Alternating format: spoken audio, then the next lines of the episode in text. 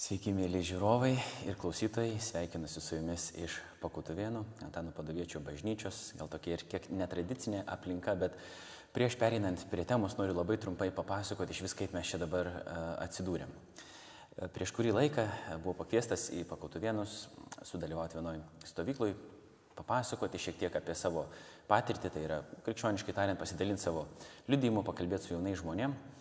Ir ten išsikalbėjom su čia esančia komanda, kad e, yra žmonių, kurie pažiūrė apologetiką, bet e, sako, kad Laurinai kartais trukdo tas tavo gars, garsas ir vaizdas, nors ir turinys gali būti geras. Tai gal atvažiuok ir galėsim kartu ką nors padaryti. Ir kadangi aš jau kurį laiką norėjau pasikalbėti ir pakalbinti brolį Gediminą Nungaudį, kuris čia ir reziduoja, kunigauja Pakutuvėnuose, tai pagalvojau, kad tai tikriausiai būtų puikiai proga tą padaryti ir galiausiai tai ir vyko. Tai dabar čia sėdim su e, Gediminu, bandom pažindintis jau ir prieš tai, gerti kavutę, užkasti sausainių, kukurūzų, dar kažko. Ir, ir toliau kalbėti apie tos dalykus, kurie galėtų būti mums svarbus. Ir šiandien tą mūsų pokalbių ir viliuosi, jisai galiausiai išvirs į ciklą, bus matyti kaip išeis, bet e, kaip Dievas duos taip, pradėti nuo, nuo pokalbio apie Dievo žodžio svarbą. Tai Gediminai, sveiki ir ačiū, kad sutikot e, pasikalbėti apie šitai. Ir aš sveikinu tave, Laurinai. Kaip mes pakutui dažnai sakom, šalom tau. Šalom. Čia atvykusiam į pakutuvinus. Sveikinu visus, kurie žiūrės tą mūsų, klausysis to mūsų pokalbio. Prašau, kad Jėzus būtų irgi su mumis ir kalbėtų jo dvasia mūsų lūpomis ir gyvintų, gyvintų ir mūsų kalbančiųjų gyvenimus, širdis, protus ir besiklausančiųjų. Kaip ten su garsu viskas gerai. tai va, ačiū tau viešpatie už visas tas galimybės, kurias tu mums duodi čia pakutuojanuose, padėk mums jas tinkamai, teisingai išnaudoti tavo vardo garbei, žmonių išgelbėjimui. Te būna pašlovintas viešpatie tavo vardas šitame mūsų sustikime. Tai ką Laurinai norėjai paklausti? Norėjau paklausti, aš e, pradėti nuo tokio klausimo, kaip jūs susipažinote su Dievo žodžiu. Ir aš žinau, kad yra e, jau įrašas, kurį aš esu klausęs kituose kanaluose, e, pasirodęs, kuris pakankamai išsamei tą, tą darot, ten keliasdešimt minučių, tai dabar paprašysiu gal šiek tiek, jeigu bus įmanoma, trumpiau tą, tą padaryti, nuo tos asmeninės patirties, kaip jūs susidūrėt, o po to eisim prie kitų klausimų. Kodėl tas Dievo žodis yra svarbus, kodėl mums reikėtų manyti, kad Biblija yra Dievo žodis ir kitų panašių uh, klausimų. Tai tie, kurie uh, atvažiuoja pačius pakutuvenus ar seka Pakutos kanalą, tai yra jau labai daug tikriausiai iš jūsų girdėję dalykų ir jums gal kažkas bus pasikartojamas, bet tie, kurie seka apologetikos kanalą, nu, ne visi yra e, jūs girdėję, matę. E, tiksliau, ką jūs turit pasakyti, tas, e, kaip sakyt, pats tas vaizdas nėra pats galbūt svarbiausias, nors šiandien mes bandom filmuotis, bet pradėkime nuo to klausimo. Kaip jūs susidūrėt pirmiausia su Dievo žodžiu? Na, su Dievo žodžiu, ko gero, susidūriau pirmiausia bažnyčiai sovietmetį, vaikystėje, kai su mama tekdavo keliauti bažnyčią, ypač sekmadieniais ir klausytis mišiuose skaitomo rašto, bet tada tikrai ne, nesupratau, ką ten kunigas daro. Dažnai ir kunigas, turiu pasakyti, nesistengdavo perskaityti taip, kad žmonės jį išgirstų daugiau galbūt stengdavosi, kad pamokslas būtų girdimas negu kad Dievo žodis. O kai prie kokio šoninio altoriaus melsdavosi, tai net nesteigdavo kunigai atsisukti žmonės raštą skaitydami. Lotyniškai, pavyzdžiui, senieji kunigai perskaitydavo nusisukę, tai labai džiaugiuosi, kad po antro Vatikano susirinkimo, nors labai pavėluotai ir į Lietuvą atėjo tos reformos ir būtent lietuvių kalba, liturgija ir Dievo žodžio vat, klausimas prieinamas pasidarė ir, ir bažnyčios raginimas sugrįžti prie tų šaknų, prie Dievo žodžio kaip tikėjimo šaknų ir pagrindo. Tai va, o šiaip aišku, paskui gal daugiau po kariuomenės su Dievo žodžiu susidūriau jau tokiu gyvų tiesiogiai bendraudamas su broliais protestantais. Turėjau bičiulį tokį Otoną Balčiūną, baptistų pastorių, paskui parods laisvėjai krikščionys jie pasidarė. Čia aš tik tais trumpai nesustabdysiu, bet noriu sąryšio tašką atrasti. Beje, aš esu Laisvųjų krikščionių bažnyčios narys ir Otonam visą laiką mums mūsų ratuose ten minėdavo, bet aš gyvenime su juo nebuvau susidūręs. Bet mm. tiek LCC tarptautinis universitetas turi, kiek aš suprantu, ten sąryšį tam tikrą ir su menonitais, kur dabar Laisvųjų krikščionys yra menonitų, broliškųjų menonitų um, dalis ir pati ta laisvųjų krikščionių e, bažnyčia, jinai tebe egzistuoja. Tai vad įdomu, tas, kai aš irgi pirmą kartą jau buvau girdėjęs šitą momentą, mm. tai įdomus tas toks įsąlyčio taškas, bet jis įdomus gal tik man, ne visiems, bet tada teskit, prašau. Nu va, taip e, Dievo kelias vedė mane į Radviliškį, kur aš pogrindyje turėjau jėzuitišką novicijatą grįžęs po kariuomenės. Ir e, ten porą metų gyvenau, pagal savo jezuitišką programą turėjau atlikinėti mąstymus du kartus dienoj. Buvo tokios toros mašinėlės spausdintos mąstymo knygos, jezuitų brolių sudarytos iš evangelinių istorijų. Ir va, ten tokia speciali metodika Ignaco buvo ir aš apmastydavau tas, tuos mąstymus, bet paskui atsitiko taip, kad e, darbavomės, turėjom per, pastatyti per vasarą Radviliškio bažnyčią, reikėjo nugriauti ir pastatyti. Ir po 12 valandų ir daugiau kartais darbuodavomės ir aš ten špeliuodavau smėlį, maišydavau betoną, kad suspėt Tai vakare jau grįžęs po darbo, jeigu neturėdavau tiems mąstymams, todėl pasijėmiau Naują Testamentą, šventą raštą su savim į darbą prie to žvyro krūvos. Ryte paskaitau kokį gabalėlį ir apmąstymuose šiupeliuoju tą smėlį ir melžiuosi viešpatie padėk man jį suprasti. Šiek tiek naudojau tos dar jezuitiškos praktikos dariau kažkokius pasiryžimus, bet paskui, mat, kaip prieš tai dar šiek tiek, prieš tas statybas laisvesnio laiko buvo, tai arba sekmadieniais apsilankydavau pas Motoną namuose ir nekartą ten, kaip sakant, iki išnaktų diskusijos vyko ir nakvodavau ten ir žiūrėdavau mes įvairių pamokslininkų, sėkminininkų, pamokslus klausydavomės, ten susirinkdavo iš visos sąjungos pas jį, toks būdavo kaip sankryža įvairių krikščioniškų konfesijų, aišku, evangelinių bažnyčių daugiau, kur kas keliaudavo iš pietų į šiaurę, iš rytų į vakarus. Tai vis pasautona balčiūna tai nakvodavo, tai mes ten ant grindų, toj trobelėje jo vieni per kitus, kaip sakant, turėdavom perlipti naktimis, kad eiti iki tualeto. Va, bet buvo tokie romantiški, fantastiški laikai.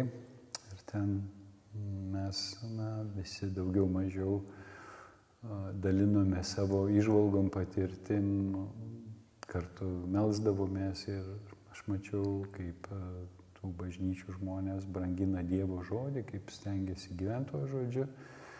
Ir, ir aš va, pabandžiau irgi statyti savo tikėjimą ant Dievo žodžio ir jis man atgyjo toj maldoj prie to žvyrų krūvos, jis pasidarė man gyvas, jis pradėjo man kalbėti, prakalbino mano širdį ir, ir pradėjo dalykai smarkiai keistis. Aš jeigu iki tol naudodamasis tą Ignaco metodiką, savo valios pastangom bandžiau keisti savo gyvenimą.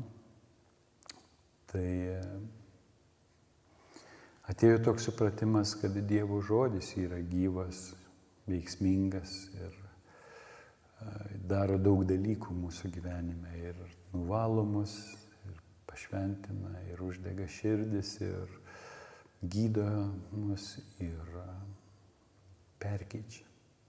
Tai, vat, tai aš pradėjau melstis, kad Dievo žodis mane keistų iš vidaus, tas procesas prasidėjo, jis, aš pajutau tą perkeitimą vidinį, e, maldoj prameldus tą žodį, kad jis taptų kūnų manyje. Taip, va, ir jau man nebereikėjo daug dėti valios pastangų ir tai, su kuo seniau reikėjo daug kovoti, sakysim, valios pastangų pasidarė lygo ir svetima ir nebeaktualu ir atėjo kiti dalykai.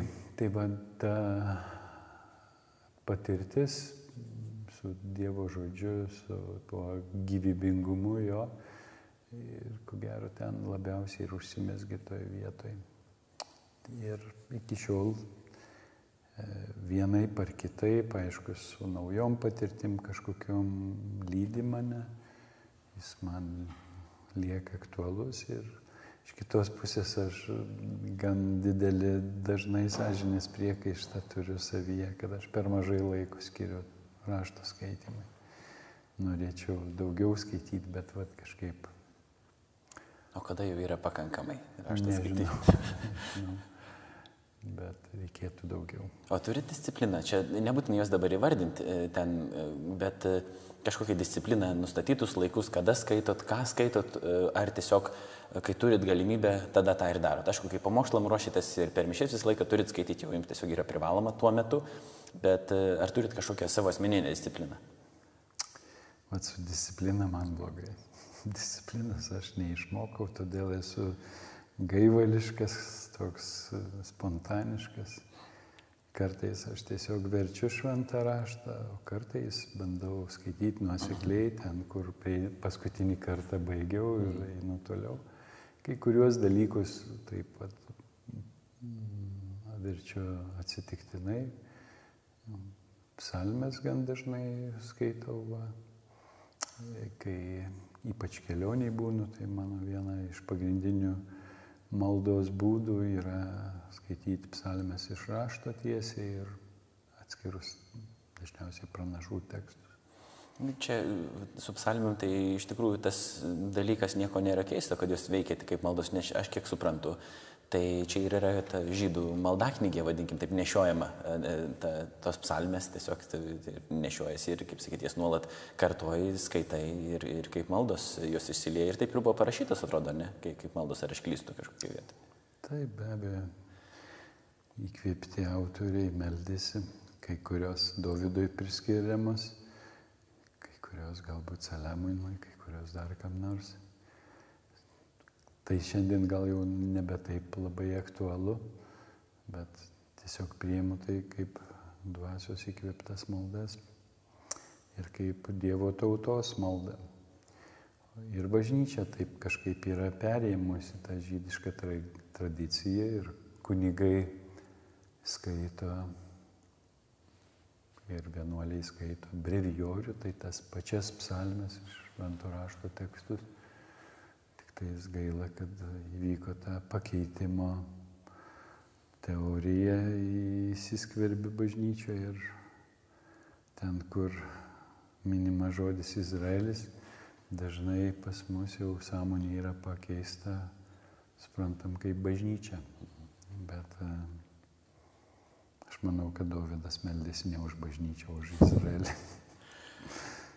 Ir apie tą e, krikščionybės ir judaizmo arba tą žydiškumo santykį aš dar viliuosi su jumis pakalbėti. E, galbūt ne šito mūsų pokalbio kontekste, bet būtinai mums reikės tos dalykus aptarti, jeigu tik tai įsileisit ir mums dar pavyks tą padaryti. Bet vieną klausimą, vienas klausimas man iškilo jūsų beklausant.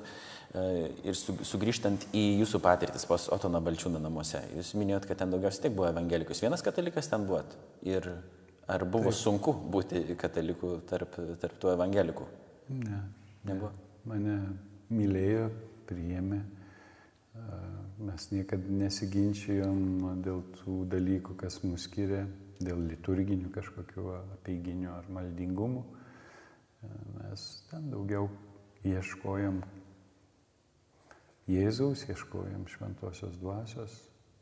Šventoji dvasia iš tikrųjų, kadangi daug sėkminininkų klausydavomės, bandydavom na, suprast, kaip čia mums tai šventai dvasiai atsiverti. Nors aplankydavo sėkminininkų jaunimas ten irgi. Va, bet visi kaip lygus dalinamės tiesiog savo išvalgomis, savo tikėjimu ir niekad kažkaip nekariavom. Nevertė konfesijos keisti jūsų. Ne. Nebandė nei atversti, nei ką ir tai buvo, nei aš bandžiau ką nors atversti. Dabar mes vartojam tokį terminą Dievo žodis. Ne, mes kaip tą Dievo žodį iš didžiosios raidės mes pirmiausia laikom Jėzų Kristų įsikūnijusi Dievo žodį logose, bet taip pat, kai vat, jūsų, kiek aš irgi klausau, jūs dažniausiai ir sako Dievo žodis, ne Biblija, ne šventasis raštas, nors irgi sako ir šitos, šitos dalykus, bet sako dažniausiai Dievo žodis. Įkvėptas Dievo žodis. Ir ką reiškia, kai mes Bibliją vadinam Dievo žodžiu? Ką mes bandom tuo pasakyti? Na, man asmeniškai kaip katalikui priimtinas tas katalikų bažnyčios antro Vatikano susirinkimo metu įvardintas dalykas, kad šventas raštas yra Dievo žodis, užrašytas įkvėptų autorių, taip kaip Dievas norėjo, kad jie būtų užrašyti. Kitas dalykas, kaip juos suprast, ne visiems duota suprasti. Ne? Šiandien kai kurie susidomėję žydų tikėjimo keliu, galbūt tokia dabar yra toks laikmetis, ypač naujai tikėjai ir naujai atradę žydų tikėjimo kelią tą santykį su šventu raštu biškit irgi perdeda ir sureikšmina ant žmogiškų pagrindų pastato. Kad vat, jau žydams ten viskas aišku. Ir jeigu nori suprasti šventą raštą, tai vat, reikia mokytis žydų, perimti žydų tradiciją, žydų patirtį. Nu, jeigu jiems viskas būtų aišku, jie tiek nezubrintų, kaip sakant, būtų galbūt viskas sutrumpinta ir parašytas katechizmas kaip pas mus, ne? E, bet dabar jie turi bibliotekas, visokių komentarų, kartais labai prieštaraujančių. Ir pagalvojus apie Jėzaus tą praktiką, kaip jis kelbi žodį ir kaip jis primindavo, kad kažkas kažkam yra uždengta, kažkas yra paslėpta, ne? kad tu tai paslėpiai nuo gudrių ir išmintingųjų, apreiškiai mažutėlėms, kad be šventosios dvasios pagalbos irgi nelabai mes galim suprasti to raštą. Tai, va, tai vienas dalykas, aišku, man gaila, kad bažnyčia tarsi pasiemė šventą raštą, padėjo garbingai į spintą, užrakino ir raktelį išmetė. Turiu omeny žydišką mentalitetą, atsiribodami nuo žydų bažnyčių. Va, ir paskui nebegalėdami suprasti to rašto, galbūt dideliai pagarboji laikė daug šimtmečių Ir kai, kad klaidingai katalikai nesuprastų, prasidėjus protestantizmo bangai ir klaidingai supratę nepakliūtų į pragarą, tai buvo laikas, kai katalikams iš vis buvo uždrausta skaityti šventą raštą. Ne? O kai uždraudė, tada kas pakeitė šventą raštą? Pakeitė pamokslai, žmogiškas autoritetas filosofavimas ir panašiai. Ir kiek šventosios dvasios beliko, kiek vietos bebuvo šventai dvasiai bažnyčiai, sunku pasakyti.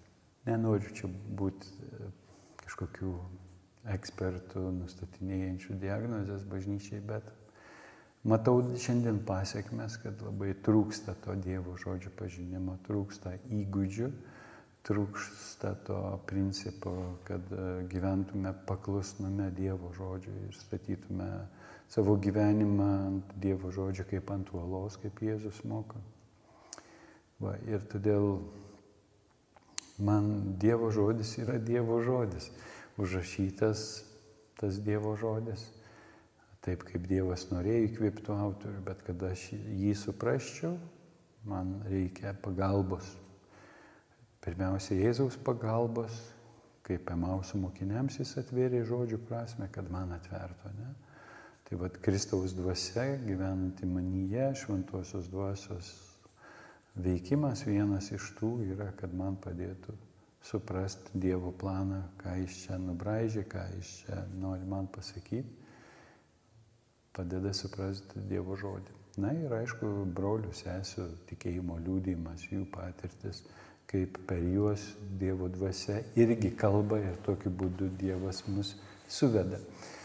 Bet taip kaip šventas raštas moko, kad Dievo žodžiu visa buvo sutverta, kad tas Dievo žodis iš Dievo lūpų išėjęs negrįžta bergždžias, netlikęs to darbo, kuriam buvo siūstas, ne?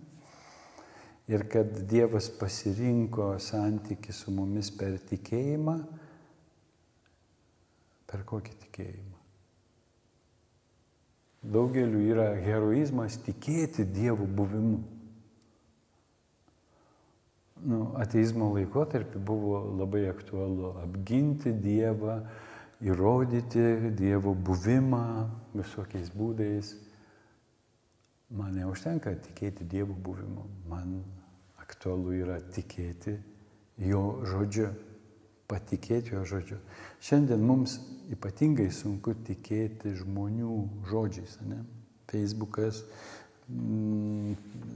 YouTube'as, visos tos mūsų puikios technologijų pasiūlytos komunikacijos formos būdai pilni melo feiko, ne? Kiti sakys, va dabar jūs, gėdimai, meluojate irgi gal man, žinot, kad bus komentaro papučia, va čia, žiūrėkit, ką jie meluoja. Taip, taip, nu, pilna melagienos, apie ką aš ir kalbu.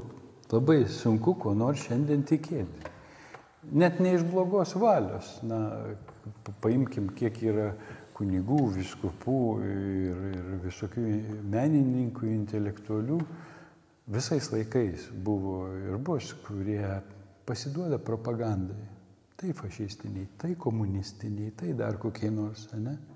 Propagandai, kuri turi tam tikrus interesus, kuri labai šviesą atstovauja, pažangą atstovauja, o paskui pasiekmes Sovietų sąjungos pasiekmes, komunizmo pasiekmes, neofašizmo pasiekmes kokios. Mirtis, diktatūra, prievarta susidorojimas su kitokiais, kitaminčiais ir panašiai. O juk viskas prasideda labai šviesiai. Aš manau, kad ir šiandien yra tų procesų tokių ir mums labai yra na, aktualu atskirti, kur yra tiesa, kur melas, kur kas veda. Šiandien gali atrodyti labai gražiai, bet rytoj tai gali pasirodyti didelė klasta, ne? mes turėjom puikių manipulacijos e, įvaizdžių, ne? šitam prieitam šimtmetį ir kuo baigėsi holokaustu ir kitom dideliam tragedijom arba Rusijos revoliucija. O idėjos juk puikios, daugelis jaunų žmonių buvo įtikėję nuo širdžiai ir laikė tamsuoliais tuos, kurie netikėjo. Ir reikėjo juos sunaikinti. Nu, tai aš galvoju, kad e, šetonas, kurį Jėzus pristato kaip melo tėvą, kuris per tiek šimtmečių, kaip sakant, pragaras ištobulinęs tas technologijas, e, viską daro, kad mus atskirtų nuo Dievo ir išlaikytų toje atskirtyje. Ir per ką? Per melą. Ir Adomas su Jėva juk žaltys mane apgavo. Jėva sako, žadėjo nuostabius dalykus. Būsit kaip Dievas. Ne? Ta pretenzija būti kaip Dievas, mūsų pašaukimas yra būti dievais, būti kaip Dievas, bet kokiu keliu. vykdant Dievo žodį, per paklusnumą Dievo žodžiui, ar kažkino pasiūlytų šviesos ten keliu. Ir aš nepykstu, jeigu kažkas manim abejoja ir, ir tegu tikrinasi. Tai nepulsit, nerašysit piktų komentarų tam atgal. Ne, aš komentarų iš vis stengiu saugojuosi. Tai, pro, tai provokacijai tiesiog žmonės turi teisę kitaip tikėti, kitaip galvoti ir turi teisę net klysti. Būti suklaidinti, būti suvedžioti, nedaug dievę. Geriau, kad to neatsitiktų ir dėl to sakau, reikia būdėti ir būti atsargiems ir, ir neskubėti.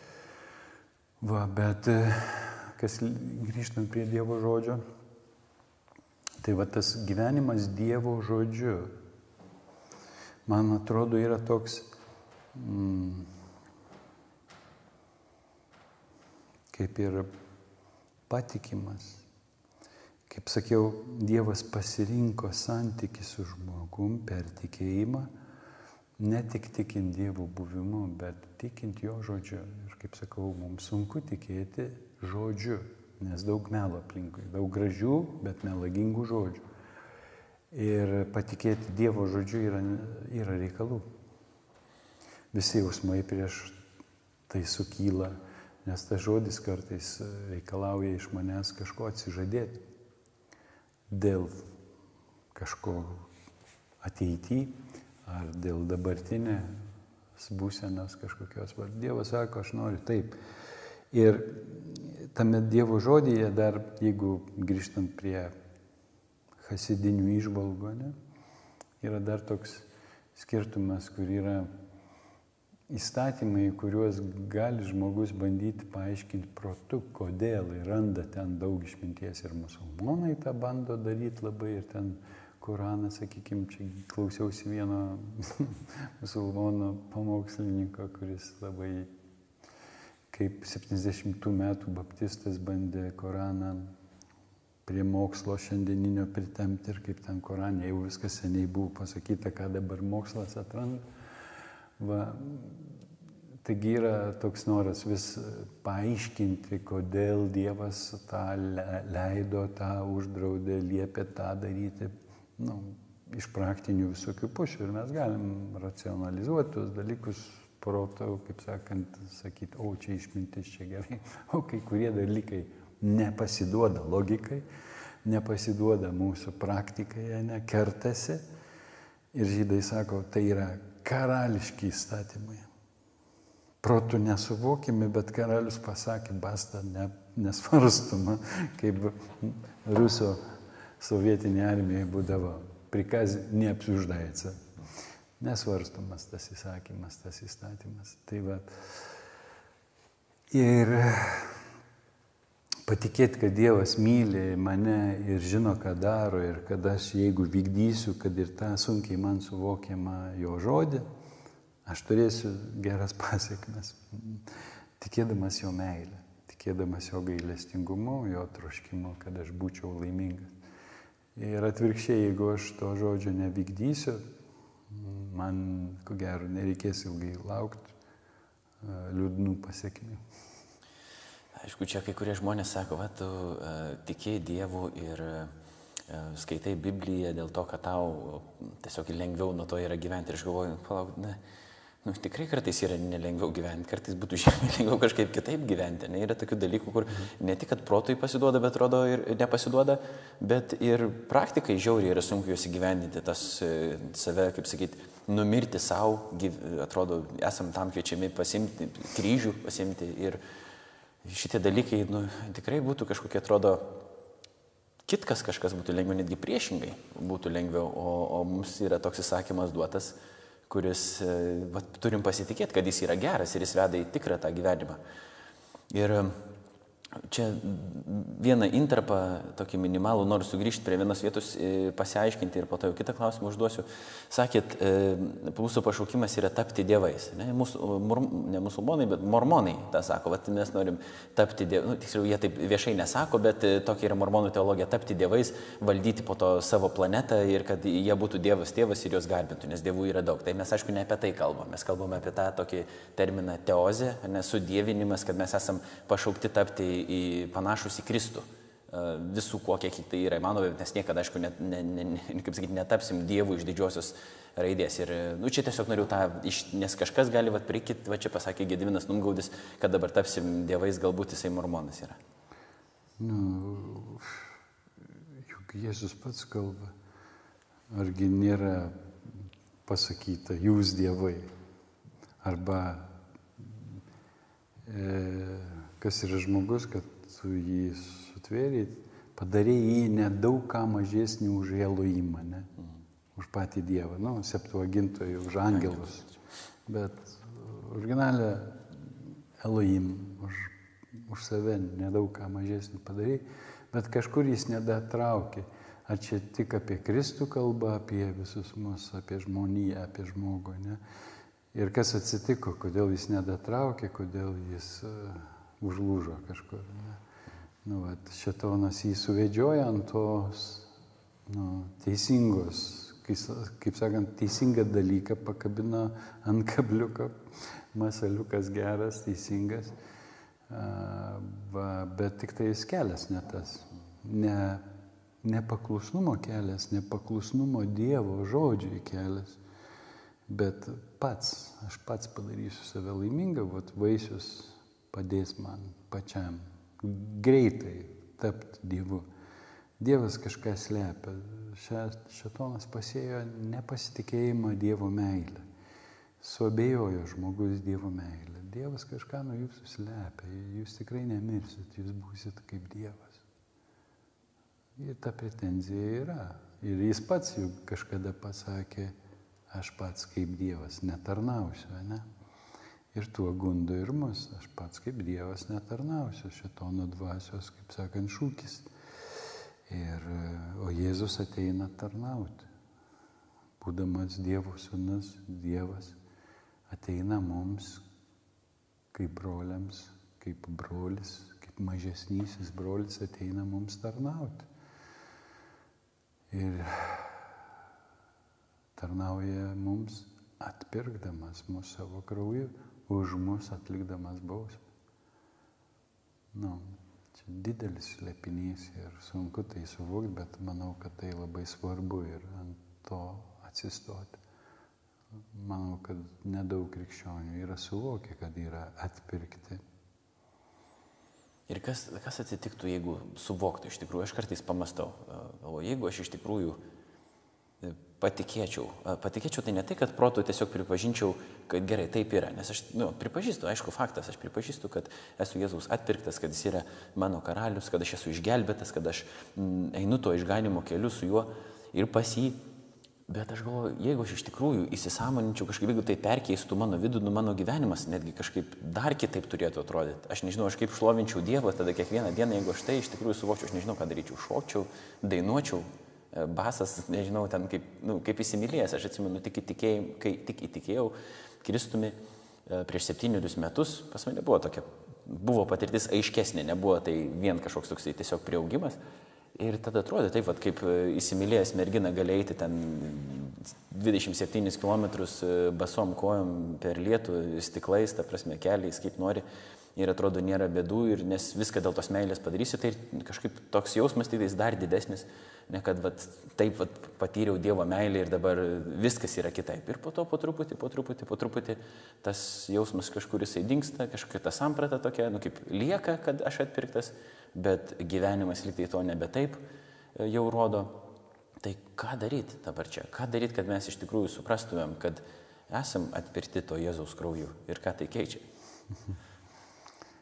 Vat ką daryti, kad žinočiau, tai jau būčiau visiems pasakęs. Neslėpčiau.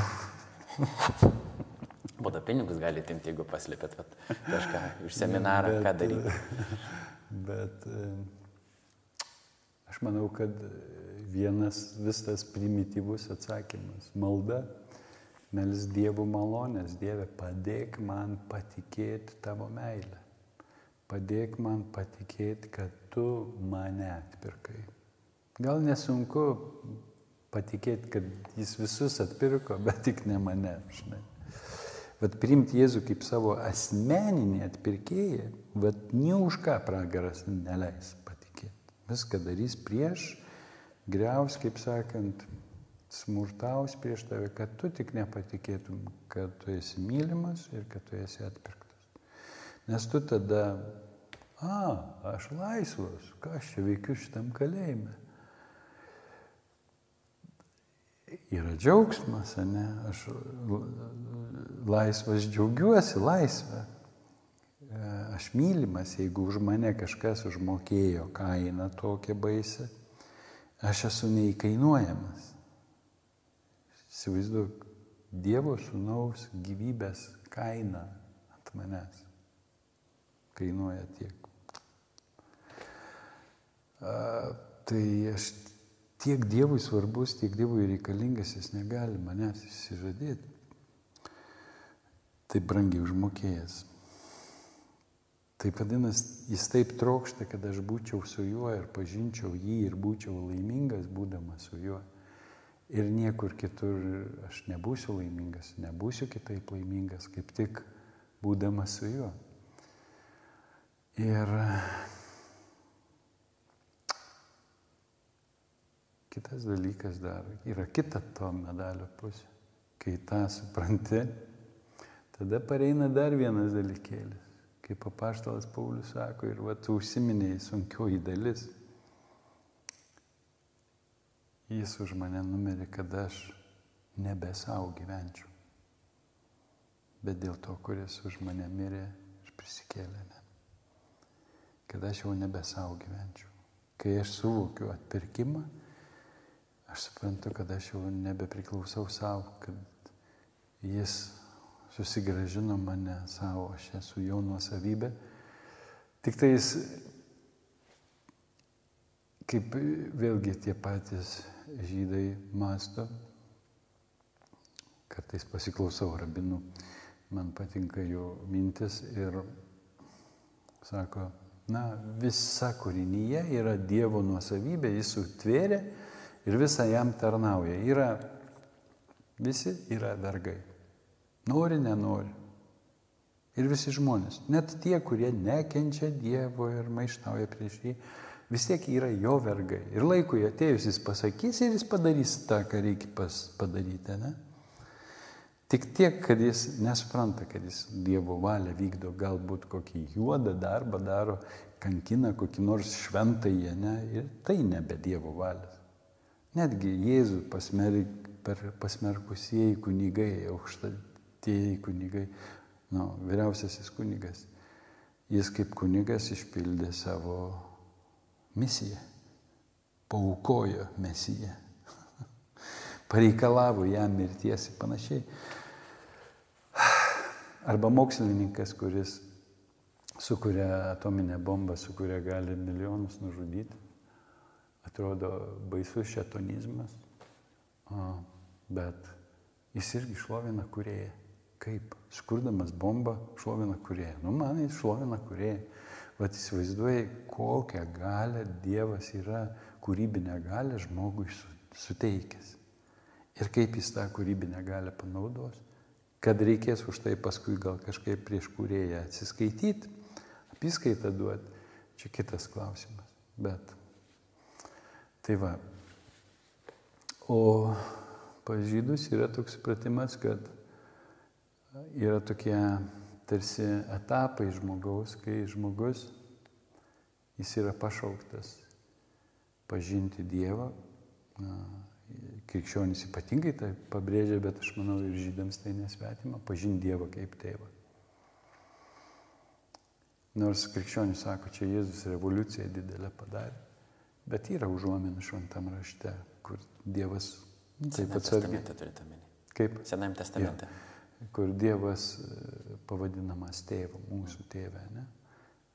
mes tavo vaikai ir panašiai Dievo tauta. Ir jis pastoviai save stato, tai sužadėtinio, tai vyro santyki su Dievo tauta. Jo žmona Izraelis, bet Izraelio vaikai, jo vaikai, šventieji, ne, jo nusavybė. Ir va, svarbu suvokti save kaip Dievo sūnų tame santykėje su tėvu. Ir žydams tai yra svarbu, rabinams tai yra svarbu, kad kiekvienas žydas suvoktų save kaip Dievo sūnų, Dievo dukterį. Laisva. Sūnus laisvas namuose, ne? tėvo namuose. Ir Jėzaus nu, istorija apie sūnų palaidūną, kaip jis ten grįžta į tėvo namus, kiek bebūtų prisidirbęs tėvo turtą išvaistęs, Bet jis yra laukiamas, jis yra išsilgtas, jis pažįstamas iš tolo, tėvas pažinęs iš tolo susigaudinęs bėga, apkabina, bučiuoja, liepia jį apvilkti geriausių rūbų, žiedą užmauna, teisę sugražina namuose tėvų ir panašiai. Ir tarnai tarnauja. Taigi, jis laisvas tėvo namuose. O prisiminė Jėzaus palyginimą apie du sūnus, kur vienas sako, taip, tėve, einu, vykdysiu, bet paskui persigalvoju, nenuėjo, kitas sako, ne, neįsiu į vynogyną dirbti, bet paskui persigalvoju ir vis tiek nuėjo. Kuris įvykdė tėvo valią, nu tas, kur paskui persigalvoju. Bet jie abu elgėsi kaip laisvi, nu šiandien neturiu nuotaikus, kitą dieną gal nueisiu. Į tėvas jų nei ten peikia, nei ten bara. Jie laisvi tėvo namuose. Ne? Būtų gerai, kad būtų džiaugsmas tėvui. Bet jis neišvaro jų už tai iš namų ir neatskiria. Ne? Tai va, ir būdamas e, sunumi, gyvendamas arti tėvo, e, aš trokštų pažinti tėvą, kuo jis gyvena, ką jis jaučia, Vat sunaus palaidūno istorijoje man yra aktuali mintis, kad vyresnysis sunus, kuris atrodo ištikimas tėvui, niekada įstatymą neperžengia, pasirodo svetimas tėvui. Jis visai nepažįsta tėvo, jis nejaučia, kaip tėvas jaučia, jis nemato situacijos, kaip tėvas mato. Tėvui tenka teisintis, aiškintis jam, ne? kviesti jį. Ir jis ten nenori eiti vidų. Kaip ten baigėsi, neaišku. Ar įėjo, ar neįėjo jis, ar vėliau persigalvojo. Bet tai va ta žydiška mintis man artima ir patinka, kad vėliau sunus pažinęs Dievą kaip tėvą, jo meilę pažinęs, laisva valia tampa vergų tėvų. Ne iš prievartos, nepriverstas po lasda, um, bet iš meilės, trokšdamas būti su tėvu, būti neatskiriamas, būti arti tėvo, trokšta tarnauti tėvui, besalgiškai, greitai, bet kur. Tai va, tokia ver, tokio vergo santykis. Vėl kita kokybė. Yra skirtumas tarp vergo, kuris iš meilės tarnauja, trokšdamas, mylėdamas, džiaugsmą daryti šeimininkui, kuriam yra džiaugsmas tarnauti, ir vergas, kuris priverstas sukandęs dantis, kuriam yra lažas, nesąmonė, ne kančia tarnauti. Tai va, kokį santykį aš pasirinksiu, kokiam santykį aš užlūšiu, ar aš pasiliksiu to pikto vergo santykį, ar aš perėsiu į, mylint, į sunaus santykį laisvo, Ar aš liksiu tik laisvas sunus, bet nelabai galbūt irgi pažįstantis tėvą, bet netoli tėvo kažkur, ar aš pereisiu į žymiai artimesnį santykį, kur jau, kaip sakant, užsimesga meilės ryšys, visiško atsidavimo, troškimo būti neatskiriam ir susijungimo va to. Manau, tai visų mūsų pašaukimas ir daug dievė mums tai pasiekti. Bet priešas darys viską, kad, kad to neįvyktų. Turėsim reikalų. Čia daugam gali pradėti ausis lankstytis nuo to žodžio vergas e, ir daug čia tokių įvairių prieštaravimų būna, net ir vertimai, kai kurie vengia to žodžio vergas, po to Naujam testamente dabar čia 21 metais, kur išverstas jau pridėtas. Tai aš viešpaties tarnaitė, viešpaties tarnas, pigdil samdinys, nori tarnauju, nori netarnauju, dabar su tais savanoriais kiek vargo būna susitarė dėl stovyklos kokios nors, atvažiuosi, atvažiuosim, ai, šiandien nuotaikos neturi, a, pavargau. Negali nieko daryti su, su tokiais samdiniais. Va. Ir, nu, baisiai skamba tas žodis vergas, gal nepopuliarus, bet. Paulius save vadina viešpatės vergu, jis taip sako. Ir Marija, lietuviams, va jau padarė, kad švelniai jauselėms su bloga kompanija išvaistė turtą ten tipo. Biblija sako, su kekšėmis. Biblija nesigėdi dalykų vadinti savo vardais, bet mums liturgijoje negali būti tokių žodžių, čia negražiai skamba, čia mums ne, negeras emocijas sukelia. Ozijo knygą labai sunku būtų skaityti tada, jeigu taip bandytų pakeisti kiekvieną nu, žodį.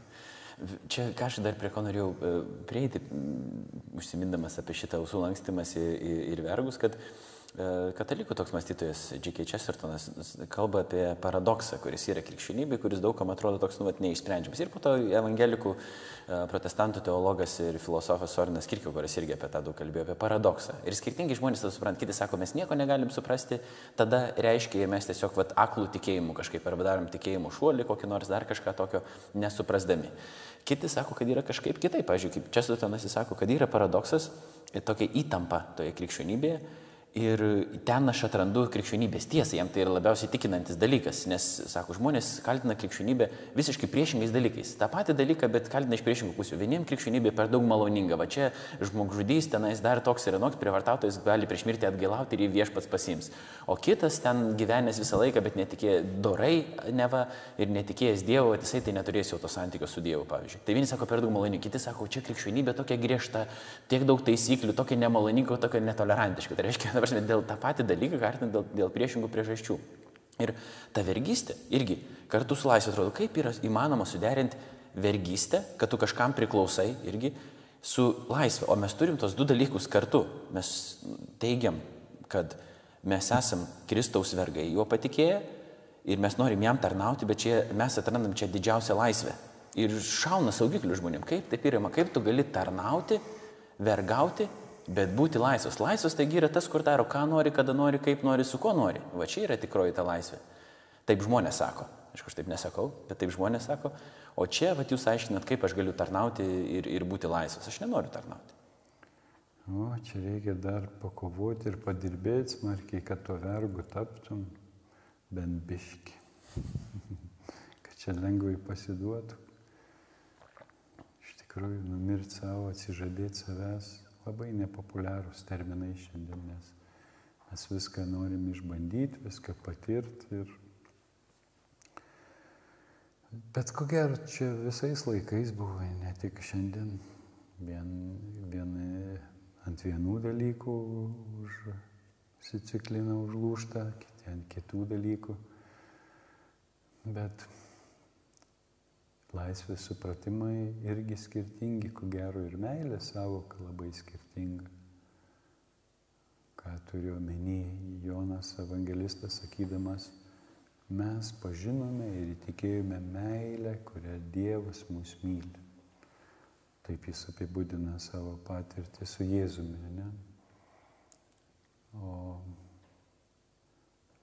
laisvė, vieni supras laisvę kaip galimybę viską daryti, tenkinant savo jausmus. O kitas sakys, esu jausmų belaisvis, esu jausmų vergas, mane kankina mano jausmai, aš negaliu jiems pasipriešinti, jie ateina ir mane išprievartauja. Ne? Ar kažkokia dvasia apsilanko geismo pavydalu, kažkokios aistros ar neapykantos. Paskui gailisi žmonės, o kodėl jie tą darė, o kas juos privertė tai daryti, O kiek priklausomybės lygomis sergančių pradžioje jautėsi labai laisvi, ko išalus vartodami alkoholį, ne? o paskui pamatė, kad yra vergai ir kiek galėtų sumokėti, kad galėtų iš, iš to išsivaduoti. Nu, va, tokie paradoksai kažkokie su ta laisvė. Va, ir kaip Dievas išlaisvina, kam Dievas išlaisvina, iš ko išlaisvina Dievas. Gyvenimas su Dievu arba ta tiesa, iš ko išlaisvina mus. Iš kalties, iš gėdos, iš baimės, kurioje iš tų jausmų, kurie persikėja daugybę žmonių. Ne? Bet vėl būdinga žmonėms neprisipažinti, kad esu silpnas, neprisipažinti, kad kažko nesuprantu, kad esu ribotas. Juk nepopuliaru būti silpnam. Nepopuliaru būti klystančiam. Ką žmonės apie mane pagalvos? Aš turiu visą laiką palaikyti gerai įvaizdį, kad aš viską žinau, viską galiu, viską moku. Ypač šiai kartai būdingas tas dalykas, jeigu e, tėvų karta kažkiek turėjo nepilna vertiškumo kompleksų, tai jaunimas atrodo išmokyti yra, ar kaip čia yra, ar kažkokie psichologiniai mechanizmai veikia, kad tarsi nu, nėra ribų, esam kaip dievai, jauni, sveiki, viską galim Nemoku, tai išmoksiu per naktį YouTube ar Google ar kur, ne, į darbą, kai ateina. Juk viską moka jaunimas. Va, o vyresnioji karta kuklesnės nuomonės apie save. Nu, tai va, labai visi skirtingi, bet ar visi laisvi mylėti? Ar visų be Dievo gyvenančių žmonių širdis yra laisvos mylėti, gerą daryti? Tiems, kurie, pavyzdžiui, yra nepatogus. O man tai labai aktualu. Aš noriu gyventi Dievo žodžiu. Įtikėjęs, aš noriu gyventi Dievo žodžiu. Ir man yra nelaisvė, vergystė pragaroj, kuri neleidžia man gyventi Dievo žodžiu, kuri manipuliuoja mano jausmais ir padaro mane geismų jausmų vergo. Net neproto, neprotu vadovaujasi žmonės, jausmais. Šiandien esu tas, kaip jaučiuosi, ne? jaučiuosi moteriam, turi mane priimti kaip moterį. Nesvarbu, ką matai, jeigu aš jaučiuosi dar kažkaip kitaip, Napoleonu turi skaityti su manim. Seniau į psichiatrinės uždarydavo, bandydavo pataisyti failus galveliai. Va. Nu, gerai, kad nepiktybinis, ne? bet jeigu sugalvos kipišą kelt revoliuciją Prancūzijos, tai vis tiek bus uždarytas. Tai vat, yra visokių tokių dalykų, o tos manipulacijos jausmais kažkas čia yra sakęs, buvo laikas, kai žmonės tikėjo Dievu. Paskui žmonės tikėjo bažnyčiai, nebetikėjo Dievu. Paskui buvo laikas, kada žmonės tikėjo mokslu ir nebetikėjo nei Dievu, nei bažnyčia. Dabar žmonės netiki nei Dievu, nei bažnyčia, nei mokslu, tiki savo jausmais. Kas sekantis įdomu? Kažkas dar turi laukia, ne po to. Eilė. Kažkas dar turėtų būti. E, čia toks vienas e, dalykas man šovė į galvą, jums bekalbant, kad atrodo, kad yra tokia iliuzija galvoti, kad mes e, galim būti absoliučiai laisvi. Tai reiškia, kad niekam netarnauti ir nevergauti. Ir šventas raštas mums kalba, kad mes tik neturim pasirinkimo ar tarnauti ir vergauti, mes tik turim pasirinkimą kam kad yra iš principo ar Dievui mes tarnaujam, ar šėtonui. Ir mes galim nesuvokti, nesuprasti. Taip, savęs mes galvom, kad esame visiškai laisvi, bet jūs dabar patikėt visokią aibę pavyzdžių, kaip iš tikrųjų mes pradedam vergauti vieniems ar kitiems dalykams, kurie per melagystę ateina į mūsų gyvenimus ir mus pririša. Ir iš tikrųjų mes tas, ta tokia iliuzija, kad aš esu tobulai laisvas, mes turim prasmingą, kaip sakyt, laisvę, Dievas mums tokia apdovanoja, kad galėtum daryti prasmingus pasirinkimus, bet jinai nėra tobula laisvė, nes tobulai laisvas yra tik Dievas, vienintelis. O mes galim tik rinktis, kam tarnauti. Ir atrodo, žmonės to iliuzijoje pasimesdami Ir mes kartais to iliuzijai pasimetam, sakom, savo neteis, laisvę neteisingai suvokdami. Ir Paulius perspėjom, atrodo, Galatams laiške, sako, jūs, kad jūs esat pašaukti laisviai, broliai, bet jūs neiškreipkite tos laisvės, bet ją panaudokit viens kitam patarnauti. Ir tą paradoksą vėl išsako. Nes matyt kažkas buvo, kad vad galvoju, o, aš esu dabar laisvas, reiškia, aš galiu daryti, ką noriu. Dievas man išgelbėjo, atpirko, reiškia, nėra ko prarasti. Iš principo jis mane myli, tai važiuojam. Darau dabar kaip, kaip noriu, taip ir gyvenu. Ir iš tikrųjų yra kažkaip visai ne taip. Nu. O e, paskutiniu klausimu, gal mes čia dabar pabaigim šitą, šitą dalį mūsų pašnekėsi. Jūs ne vieną kartą pasakėte apie tai, kad norit vykdyti, klausyti Dievo žodį. Bet ką dabar daryti, kad mes jį suprastumėm? Nes vieni sako, Biblija yra labai lengva suprasti. Prasme, šventai dvasia apšviečia tavo protą ir jeigu apšviečia, tu viską supranti taip, kaip ten turi būti ir nėra jokio dviprasmiškumo. Kiti nueina kitą ekstremumą ir sako, nu ten nieko nein suprasti. Taip sunku, man reikia tik visi, nu, visi man paaiškintų kažką, arba aš vis tiesiog, kaip jūs sakėte, padėsiu į lentyną kažkur ir, ir net negalvosiu apie tai, nes neįmanoma yra suprasti. Taip sudėtinga, tai gal ten kalbą reikia išmokti, dar kažką, aš tiesiog esu nesilavinęs pakankamai ir tada iš vis atsisako skaityti.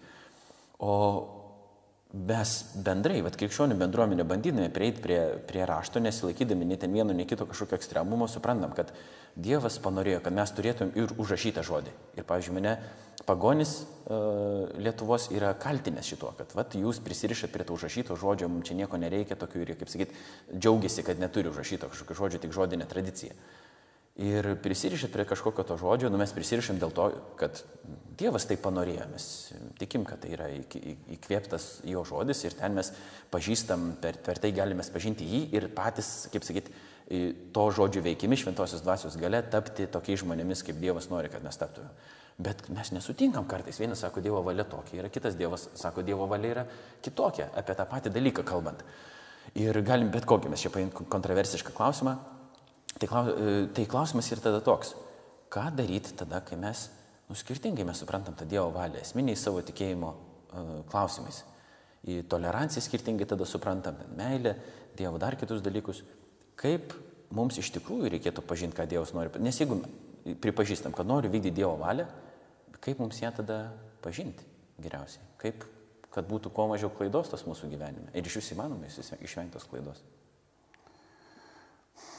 Vaikas klausia mamos, mama, kaip reikia suvokti Lietuvą.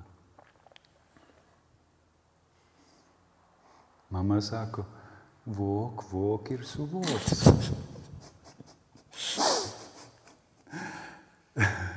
Tai man norisi pasakyti, nu pirmiausia, reikia pradėti skaityti raštą, ne? Vienas dalykas. Kitas dalykas, aišku, reikia pagalbos. Tam turėtų tarnauti Dievo surinkimas, kur Dievas surenka savo dvasioje, surenka žmonės ir joje vienus apdovanoja mokymo dovaną, ne? kitas pranašavimo dovaną, trečius vadovavimo dovaną. Nu tai va, tai bažnyčioje Kristus veikia kaip mokytojas per mokymo dovaną, per savo kūno narius, per tam tikrus mokytojus bažnyčioje. Tai būtų gerai lankyti surinkimą, atsiliepti Dievo dvasios kvietimą, ateiti surinkimą ir klausytis kaip kiti supranta, dalinti savo supratimu, garsiai išsakydama savo versiją, kaip tu supratai tą žodį, tu gali praturtinti kitą žmogų, bet gali ir save išgirsti ir kritiškai pervertinti savo supratimą arba savo patirtį, kaip tu atpažinai Dievo žodžio veikimą savo gyvenime. Aš paprastai pradedantiems, kuriems rekomenduoju skaityti šventą raštą, pirmiausia, pastatau į tokį na, santykį žmogus su tuo raštu, kad tai nėra istorijos vadovėlis, kad tai nėra biologijos ar fizikos vadovėlis, kad tai yra tikėjimo išpažinimo knyga, kur žmonės liūdija, kaip jie pažino viešpatį. Vienas dalykas. Tai yra knyga kaip Dievo laiškas tau. Parašytas labai seniai, bet aktualus ir šiandien, ir kiekvienam žmogui, kiekvienoje kartoje. Bet ten yra žmogiškų daug dalykų. Kontekstas, kultūrinė aplinka, istorinės aplinkybės, daug dalykų, kurių tu su šiandieninė savo patirtim nelabai suprasi. Apie žemės ūkį, kur kalba miesto žmogui neturinčiam reikalų su, su žeme, nu, ką, ką sako visokie žemės ūkio palyginimai apie grūdą ir vienogyną ar dar kažką genėjimą, kas tai yra, žinai, arba apie avių ganimą. Todėl, na, ko gero reikia domėtis gyvenimu, pasauliu ir viskas po truputį ateina. Nėra iš karto, hop, ir aš iš abrakadabra, lida, kaip paliepus, man panorėjus, kad dabar tuoj pat aš viską jau žinočiau apie Dievą, būčiau va, toks neklaidingas, viską žinantis kaip Dievas. Ir man tada kitų nebereikia, aš pats jau kaip Dievas. O viešpačiui patinka mus daryti ribotus, silpnus, kad mes viens kito būtumėm reikalingi, kad bendrautume, kad mokintumės dalykus daryti, gerus darbus daryti, mylėti, atleisti, priimti kitokį, suprasti. Ir tai užtrunka ilgi procesai. Ir kyla klausimai, kaip žydai sako, oi gerai, jeigu kyla klausimai, gyvas esi. jeigu klausimų nėra, negyvas, gyvam žmogui kyla klausimai. Tai va, ir Dievas nebijo tavo klausimų. Klausk, ateik, ateik, kalbėkime. Dievas kviečia mus, ateik, kalbėkime. Pasikalbėkime. Bet va, jis, jis duoda atsakymus per raštą Bet reikia atrasti kartais tą atsakymą, kur. Ir kartais būna tokie tekstai, kuriuos skaitai ir nieko tau jie nesako, nekalba, ne? Nu, praleidai juos ir štai vuk, kažkas atsivėrė, čia sulindai, pasidomėjai, apsidžiaugiai, radai perliuką, kažkokį aukso grūdelį, žinai. Kita diena skaitai, skaitai vėl tą patį. Nu, čia jau skaičiau, jau čia kilintą kartą skaitau, čia nieko nėra. Ir staiga, uf, sušvinta kažkas, viešpats prakalba. Tas žodis gyvas yra veiksmingas ir nėra kažkokia teorija. Na, kokie, į kokį santykių tu eisi, kaip į mitų pasakų knygą, ar kaip į gyvojo Dievo gyvą žodį, per kurį pats Dievas ateina į mano gyvenimą. Pats ištaria tą žodį. Ir pats ateina tame žodėje ateina į mano gyvenimą, kai aš jį tikėjimu priimu. Gal kartais ir nesuprasdamas, kažin kiek Marija ten suprato. Šventoji dvasia nužengs tavęs ir aukščiausioji galybė pridengs tave savo šešėliu. Ir labai aišku, jai buvo. Niekas dar tokių patirčių neturėjo. Nu, gal šventoji dvasia ten kažkaip jai apšvieti galvoju. Bet manau, kad jie nelabai ką suprato. Jis sako, štai aš viešpatės vergi, daryk su manim, ką nori. Ne? Man tas atsakymas atrodo yra dėl to, kad jie nelabai suprato, kas įvyks. Ir įklausė Jėzus, kodėl tai padarėjai, kai 12 metų atsiskyrė. Aš manau, kad daug klausimų Marija uždavė Jėzui. Ir Tai būdinga Dievo tautai klausti ir, ir domėtis. Ir va, jų pavyzdžių, aišku, ne visada tai buvo, bet kai sunkumai, jie visada eina ieškoti atsakymo Biblijoje ir neiškart jie ateina ir labai skirtingos nuomonės yra, kiek rabinų, tiek nuomonių, labai kartais priešingų vieni kitiems. Ir manau, kad iš jų ta, tuo atžvilgiu galėtumėm pasimokyti to pakantumo viens kitam, įsiklausimui tų skirtingų nuomonių. Galbūt ir atmeta, bet žmogaus neatmeta. Nuomonę galima atmesti, bet žmogaus neatmetam.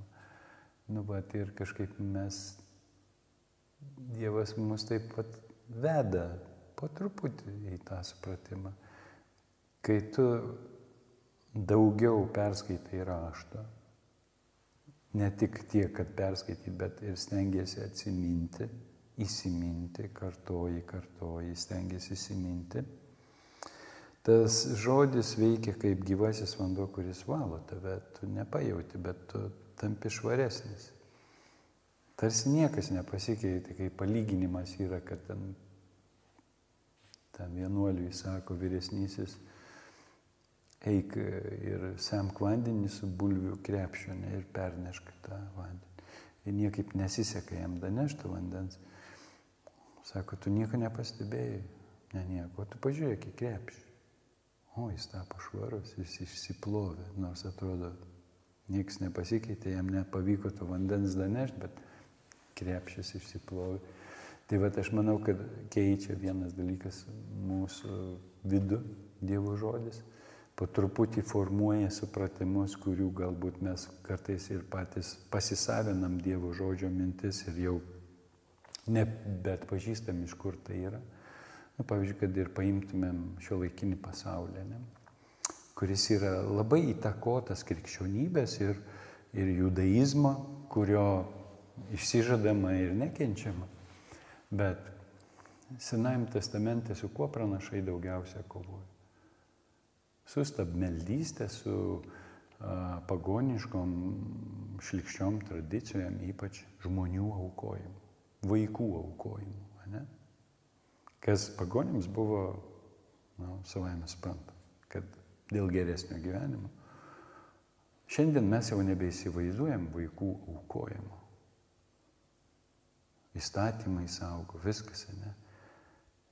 Ir daug tokių dalykų, aš čia tokį labai ryškų, grubų, šokiruojantį gal paėmiau. Daug dalykų yra įstatymuose Europos ir viso pasaulio šalių. Jau, kaip sakant, perkeitimas yra daug kur įvykęs, žmonėje smarkiai perkeista yra ir būtent tos krikščionybės, kuri šiandien nekenčiama, Europa sukurta kaip sakant, civilizacija labai smarkiai įtakota, nepaneiksi ir vienuolynų, ir, ir bažnyčios, ir menai įtakoti ir daug dalykų. Va, bet šiandien tarsi tampa muziejinė kažkokia įranga atributais ir ką šiandien bažnyčia be gali naujo pasakyti, tarsi neberanda apie ką kalbėti ir kam tas Dievas reikalingas yra toks šūkis, mes galim būti geri ir be Dievo. Ne? Galim ir gerą daryti, ir labai humaniški esam be Dievo. Nu, tai mums ta krikščionybė ar tas judaizmas reikalingas? Bet kad tai yra visos, kaip sakant, krikščionybės ir judaizmo idėjos jau gyvenime, jau perkeitusios tą gyvenimą. Tai vad mums kartais irgi sunku yra persiorientuoti tuose dalykuose ir grįžtant prie to Dievo žodžio. Jis pasklidęs po pasaulį daro įtaką, daugiau ar mažiau keičia tą pasaulį. Ir, ir kaip aš mokau skaityti šventą raštą, tai sakau, pirmiausia, turi artintis prie tos knygos su malda, prašydamas, kad Dievas tau kalbėtų kad tu tikėjimu save pastatytum į teisingą santykį su Dievu, atvertum savo širdį Dievui, atvertum savo širdį protą tai Dievo logikai, tai Dievo tiesai. Galbūt reikia atsižadėti kartais iš ankstinių supratimų. Ane? Kas yra mano nuosavybė, kurios turėčiau atsižadėti, kad galėčiau būti Jėzaus mokiniu. Dažniausiai nuosavybė turtus, a, nu tai pinigai, namai, dar kažkas. O mano valia, o mano patirtis, o mano supratimai, mano mąstymo būdai ir panašiai. Jie didžiausias stabdis mokinystėje. Ne? Kai Jėzus sako, eik daryk gerą, ne? aš bijau tų žmonių, nežinau, kaip, kaip jiems tą gerą daryti, bijau įskaudinti, bijau nukentėti nuo jų ir panašiai, nes jau esu nukentėjęs ten nuo, nuo kokių nors, pavyzdžiui, musulmonų, kur nors, ne, turistų būdams. o dabar padavė krikščionims arabų, musulmonų, kaip sakant, į vietą. Kažkas svajojo, vad Paulius mūsų brolis svajojo ir daug kartų prašė leisti provinciolų leistų jam į misijas į Siriją. Ne? Į Siriją jam reikia Siriją musulmonams paskelbti Evangeliją. Sakau, Pauliau, jau pas tave kiemė toj bus, ruoškis skelbti, vad pažiūrėsim, kaip tu čia skelbsi, kai bus tavo kiemė. Ar, ar tu turėsi drąsos jiems paliūdyti Jėzų, ar tu turėsi jiems meilės, ar sakysi lauk iš mano kiemo, ne? Nu, Dievas daro dalykus ir tikrina mūsų širdis. Ir kaip aš turėčiau evangelinį šviesoj pasielgti ir kaip žmogiškoj, praktiškoj, ne, vat, logikoj. Aišku, kyla baimė, o kaip bus, čia įsiviešpataus, čia kažką pradės teisės stumti, mano teisės bus pažeistos, dar kažką reikės kryžių galbūt nuimti nuo bažnyčios, kad kokį musulmoną neužgautų jausmų, ne? Nu, nu juk Europoje tai vyksta. Tai va, o, o, o be to kryžiaus juk negali jam meilės paliūdyti. Nežinai kitų būdų, tik tais, va, Dievas tave myli, o kad jam gerą padaryti, kad jam patarnauti, kad jam kojas nuplauti, kad jam žaizdas atrišti, kad jį pamaitinti ir tokiu būdu paliūdyti Dievo meilę. Kažkodėl neišeina. Porą dalykų dar atsiminiau, bekalbant ir mes jį čia užbaigsim, kad e, toks istorikas Tomas Hollandas, jisai agnostikas šiaip yra, bet parašė, man atrodo, Dominion knyga vadinasi, tokia pakankamai rezonansą sukėlusi būtent apie krikščionybės įtaką. Nu, judėjo krikščioniškas pasaulio žiūros, mes galim sakyti, vakarų pasauliui ir ne tik jam, kad e, jisai yra tapęs mums kaip žuviai vanduo. Žmonės plaukioja tame vandenį, tame, kaip sakyti, rezultate e, krikščioniškos, tas judėjo krikščioniškos pasaulio žiūros duotam ir, ir net nesupranta, kad jis tame vandenį, nes čia jam natūralu yra. Ir neturi žvilgsnio kažkaip iš šono pažiūrėti ir po to dargi naudodamas E, ta, tas pačias krikščioniškas vertybės ir tą mąstymą kritikuoja pačią krikščionybę, dar užlipdamas kažkur ant pėdestalo. Tai turim tokį reikalą ir, visą laiką diskutuoja kažkaip žmonės, netgi kurie yra labai tvirtai įsikibę, kažkaip sako, vat, vis dėlto jie yra racionalūs ir, ir, ta prasme, vien tik įrodymais gali viską jam pateikti ir vis tiek sako, ne, krikščionybė nieko bendro su to neturėjo. Nu ir tada ką daryti, atrodo, kaip tada reikia kalbėtis. Bet tebūnė. Ir Paskutinė ta tokia e, mintis iš to, ką jūs sakėt, kad vis dėlto, nors ir kartais atrodo sunku yra suprasti e, tą Dievo žodį ir jo valią, bet yra tam tikrų būdų, ką mes turime daryti, kad e, skaitom ir vieni, bet to pačiu ir bendruomeninis vyksta skaitimas, bendravimas, nuolatinis bandymas suprasti su nalankumu, su malda, šventosios dvasios vedimu. Bet vis dėlto tai nėra kažkoks relativizmas, kad nors mes ne viską mums ir ne iš karto pavyksta suprasti, Bet mes daug dalykų jau supratom ir daug dalykų mūsų sieja, krikščionybė turi labai tvirtą pamatą tų tiesų, kurios yra, kad Dievas yra, kad Dievas yra triesmenės, kad Kristus yra įsikūnijęs Dievas, jis tikras Dievas, tikras žmogus, jis mirė už mūsų nuodėmės, jis prisikėlė. Ir tai jau yra tam tikros tiesos ir jis siunčia mus į pasaulį, daryti gerą, liudyti jo vardą, e, tiek žodžių skelbiant jo karalystę, e, tiek, e, tiek darbų irgi. Ir mes turim tam tikrą rezultatą, ne, kad vis dėlto yra tas sutarimas, tam tikras, ką krikščionis ir tiki, ir išpažįsta, ir skelbia, ir tuo pačiu daro, ar ne? Tai klausimas yra, kaip tą geriau padaryti. Nu, kaip sakant, ir nepamest Jėzaus iš akių, o to orientyro mūsų gyvenime, kad savo mokytojų sekti, ne, ne patys vieni pradėtumėm daryti, bet su juo, jo dvasios jėga, jo vardo garbė, tada dalykai visai kitaip vyksta. O mes galim tos pačius gerus darbus daryti savo garbiai, kad mus garbintų, ne? Ir, bet dar aš norėjau keletą minčių pasakyti apie Dievo žodį. Tai vad pradėjau tą mintelę, bet neužbaigiau, kad kai kuo tu daugiau tekstų įsisavinė, atsiranda toks įdomus mechanizmas, kad šventas raštas pradeda pats save aiškinti, kad vieni tekstai pradeda aiškinti kitus tekstus Paštalas Paulius juk labai dažnai naudoja e, tekstus iš Senojo testamento ir tą pačią galbūt nerašytinę žodinę torą naudoja, kad paaiškinti Jėzaus e, žodžius ar veiksmus ar vykstančius procesus bažnyčiai. Taip pat tai e, dėl to yra ir, ir yra aktualu, kad skaityti taip, kad įsimintum tą žodį.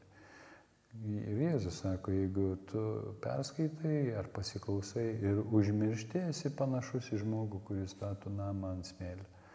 Bet jeigu tu įsiklausai, tai tu esi žmogus, kuris stato ant akmens, kuris tengiasi pritaikyti tą žodį, jį aktualų padaryti savo gyvenime. Todėl vienaip žodis skleisis tam, kuris tik nori sužinoti, ir pasigirti, aš perskaičiau raštą, ten viskas man aišku. A, kitas santykis, aš skaitau raštą, kad galėčiau tave pamokyti. Ir kitas santykis, kai aš skaitau ir prašau Dievę, padėk man tuo žodžiu gyventi. Tegu tavo žodis keičia mane, duok man jėgų šiandien, šventosios dvasios jėgų tikėti tavo žodžiu ir juo gyventi. Tai yra skirtingi dalykai. Ir dar vienas dalykas - antisemitizmo dvasios veikimas, kuris yra kaip ir antikristo dvasia, kurie nekenčia mesiją, nekenčia su mesijom, viskas, kas surišta su mesijom, nekenčia žydų tautos ir nekenčia bažnyčios irgi. Ir labai keista, kad ta dvasia bažnyčioje ir žydų tautoje yra gai keistai galbūt kažkam nuskambės, bet yra nemažai žydų, kurie yra varginami ir vedžiojami tos antisemitizmo dvasios, kurie nekenčia savo žydiškumo, slepia savo žydiškumą, galbūt savo tautiečių nekenčia ir panašiai, kurie gėdėjasi savo žydiškumo. Ir prie to mes esam daug prisidėję su visokiais, kaip sakant, persikėjimais, patyčiomis, pagromais, žudimais ir panašiai. Iš kitos pusės bažnyčioje įsigalėjus per antisemitizmo dvasę, manau, kaip rezultatas suvedžiojimas bažnyčios, kad jie pasidavė melui, kad jie dabar naujasis Izraelis, tu pačiu geisdama kit, kitos tapatybės, kuri jai nepriklauso. Ne? Bandydama pakeisti Izraelį, prisitaikyti savo privilegijas ir atstumdama tai, kas nepatogu jai. Čia yra labai rimtų problemų ir tai, aš manau, labai rimtai liūdina šventąją dvasę ir stabdo jos veikimą ir daug dalykų lieka mums uždengti.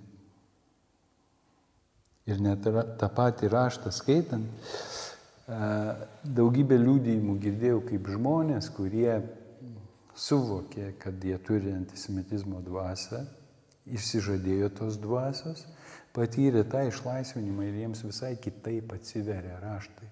Jie pradeda girdėti tekstus, kuriuo anksčiau negirdėjo. Kurie veda į visai kitokią, kitokias maldos intencijas, į visai kitą santykį su žydų tauta žadina atgailą, žadina maldai už Izraelį, žadina troškimą dalyvauti Dievo darbuose ir laukti, rimtai laukti mesijo ir visokie tokie rimti klausimai iškyla, kurių neturi tie, kurie neigia antisemitizmo dvasios kaip jau tokie reiškinį iš vis arba veikimą tos dvasios bažnyčioje. O tą dvasę mes su motinos pienu iš kartos į kartą esam, kaip sakant, perėmę. Tik tais ta dvasia labai daug kur yra užsimaskavusi ir išsiprovokuoja tam tikrose aplinkybėse. Tik tais ir vat, mes tokią provokaciją turėjom antrąjį pasaulinį karą, 41 metai, buch sprogimas Lietuvoje, beveik 200 tūkstančių Lietuvos piliečių sunaikinti dėl to, kad jie žydai. Tai čia tik kevaliukas, ne, paviršius. Bet Kodėl jie naikinami kaip žydai? Dėl to, kad jie išrinktoji tauta, kad Dievo nusavybė, kad jiems skirti pažadai. Pas juos pranašiška dvasia, pranašai. Ir be jų ar įmanomas mesijo sugrįžimas, ką jis veiks, jeigu jo sužadėtinės nėra. Ir mes tikriausiai tada šitą klausimą, jeigu dar, nenori, jeigu dar turit kažkokį minčių, tai išbaigti. Mes užmuškim tą sužadėtinę ir mes būsim sužadėtinė. O gal mes esam sužadėtinio draugas, o nesužadėtinė. Kurie, kurie turėtų padėti sužadėtiniai pasiruošti, susitikti, kai sužadėtinis sugrįž. Arba gal mes irgi esame sužadėtinėme bažnyčia, ne? Esame irgi Dievo surinkimas, bet kartu su žydiška dalim. Apie, kur, apie ką kalba paštalas Paulius laiškai romiečiai. Daug pranašyščių dar laukia išsipildymo ir jos kalba apie žydų tautos atsivertimą, išgelbėjimą, klėstėjimą, apie tautų santykių su ta tauta ir ko dar nesimatė, bet laukiam. Ir atrodo, kad tai nuostabu. Apaštalas Paulius tai įvardina. Jeigu jų užkietėjimas per jų užkėtėjimą mums atiteko tikėjimas, tai ką reikštų jų atsivertimas, jeigu ne prisikėlimą iš numirusių, tai visiškai kažkokia kita dvasinio gyvenimo kokybė, kuri dar mūsų laukia. Dar ne viskas čia baigta. Dar yra reikalų. Ir žydų tautos, kaip sakant, misija nėra pasibaigusi ir mums reikia rasti teisingą santykį, o jis labai sužeistas ir nelengvas. Tai va, aš čia biškėlį nukrypau, bet tai irgi yra iš Dievo žodžio.